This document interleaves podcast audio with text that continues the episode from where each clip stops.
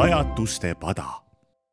räägin teile täna jutu Targad tähed, mis on raamatust Õhtujutud ja selle on kirjutanud Juhan Saar. juhtus üsna tavaline lugu. nii umbes sinuvanune poiss, ütleme, et tema nimi oli Märt, ei tahtnud õhtul kuidagi magama jääda. ta puges küll voodisse, pani pea padjale, tõmbas teki kõrvuni, aga uni ei tulnud ega tulnud ja kuidas ta saigi tulla, kui poisi pärani silmad aina piilusid ringi ja mõtted rändasid igale poole. muidugi ainult mitte unemaale. üks, kaks, kolm, neli, viis, kuus, hakkas Märt taevast tähti lugema. ja seejuures tükkis tal kangesti naer peale, sest taevas on tähed ja aabitses on ju ka tähed. aga nad pole sugugi ühtemoodi taevas on tähed tillukesed nagu nööpnõelte pead siis tõusis kuu ja paistis otse aknast tuppa. Märt vaatas teda ja ütles. tere, kuu onu, sa oled suur ja ilus ja ümmargune, aga tähed on väikesed, eks?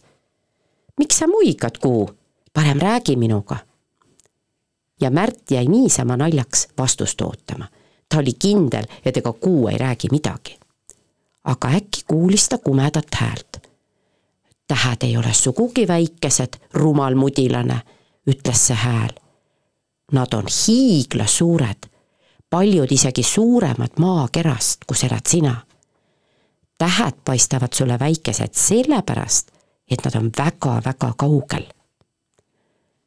Märt tõusis voodis istuli ja jäi hämmastunult kuule otsa vaatama. Kuu, sa oled väga tark, ütles ta siis kas sa tead ka seda, miks taevas on tähed ja aabitsas on tähed? aga sellepärast, et inimesed õppisid kirjutamise selgeks meilt taevakehadelt, vastas kuu. Märt hakkas voodis lausa kibelema. jutusta sellest, kuu onu, palus ta. see oli kaua-kaua aega tagasi, alustas kuu jutustust siis, kui ei olnud veel raamatuid ega kalendreid ning inimesed arvestasid aega päikesetõusu ja loojumise järgi. elasid tollal laia jõe kaldal kaks sõpra, mõlemad olid jahimehed. kord õhtul tahtis üks sõber kutsuda teist hommikuks karujahile. jõgi aga oli väga lai ja tema hääl ei jõudnud teisele kaldale. siis tuli jahimees heale mõttele ta joonistas laiale kobrulehele söega päikese. see pidi tähendama järgmist päeva. päikese kõrvale maalis ta kaks jahimeest, enda ja oma sõbra. edasi tegi ta söega karu. pärast seda aga kuu, tähendab, jaht pidi kestma õhtuni, kuni kuu tõuseb. oo, see on kohe põnev, hüüdis Märt.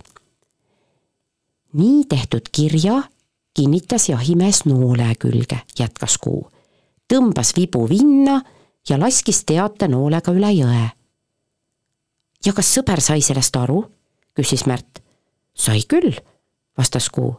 ja edaspidi hakkasidki sõbrad ikka rohkem ja rohkem kirju vahetama varsti asendasid päikest ja kuud ning inimese ja looma kujutisi hoopis teised märgid aga et algul oli nii palju kasu olnud taevakehadest, hakkasid sõbrad ka uusi märke tähtedeks kutsuma. niimoodi õpetasimegi meie inimesed kirjutama. see oli tõesti tore lugu, ütles Märt ja tahtis muidugi kohe uut jutustust kuulda. jää nüüd magama, muutus kuu nägu tõsiseks. on juba hilja. mul ei ole üldse und, ütles Märt ja ma ei mõtlegi magama jääda. Kuu oli lausa hädas jonnaka poisiga. siis tuli ta heale mõttele. kas sa tead, kui palju on tähti taevas? küsis ta Märdilt, ise kavalalt silmi pilgutades. ei tea, ütles Märt. siis loe need kokku ja ütle mulle, kui palju sa said. Märt hakkas õhinal lugema tähti, mis aknaruudust vastu pilkusid üks, kaks, kolm, neli, viis, kuus, seitse. haigutus kiskus poisi suu pärani. kaheksa, üheksa, kümme, üksteist. nüüd tõi haigutus Märdile lausa vee silmast välja. kaksteist, kolmteist, neliteist, viisteist, kuus poole sõna pealt jäi poiss magama. kuu aga naeratas ja ütles tasa. head ööd, Märt. ütleme meiegi Märdile head ööd. Neile lastele aga, kes ei ole veel magama jäänud, soovitan ma, hakake kohe taevatähti kokku lugema. selle jutu luges teile Meeli Nõmme kahe tuhande kahekümne kolmanda aasta detsembris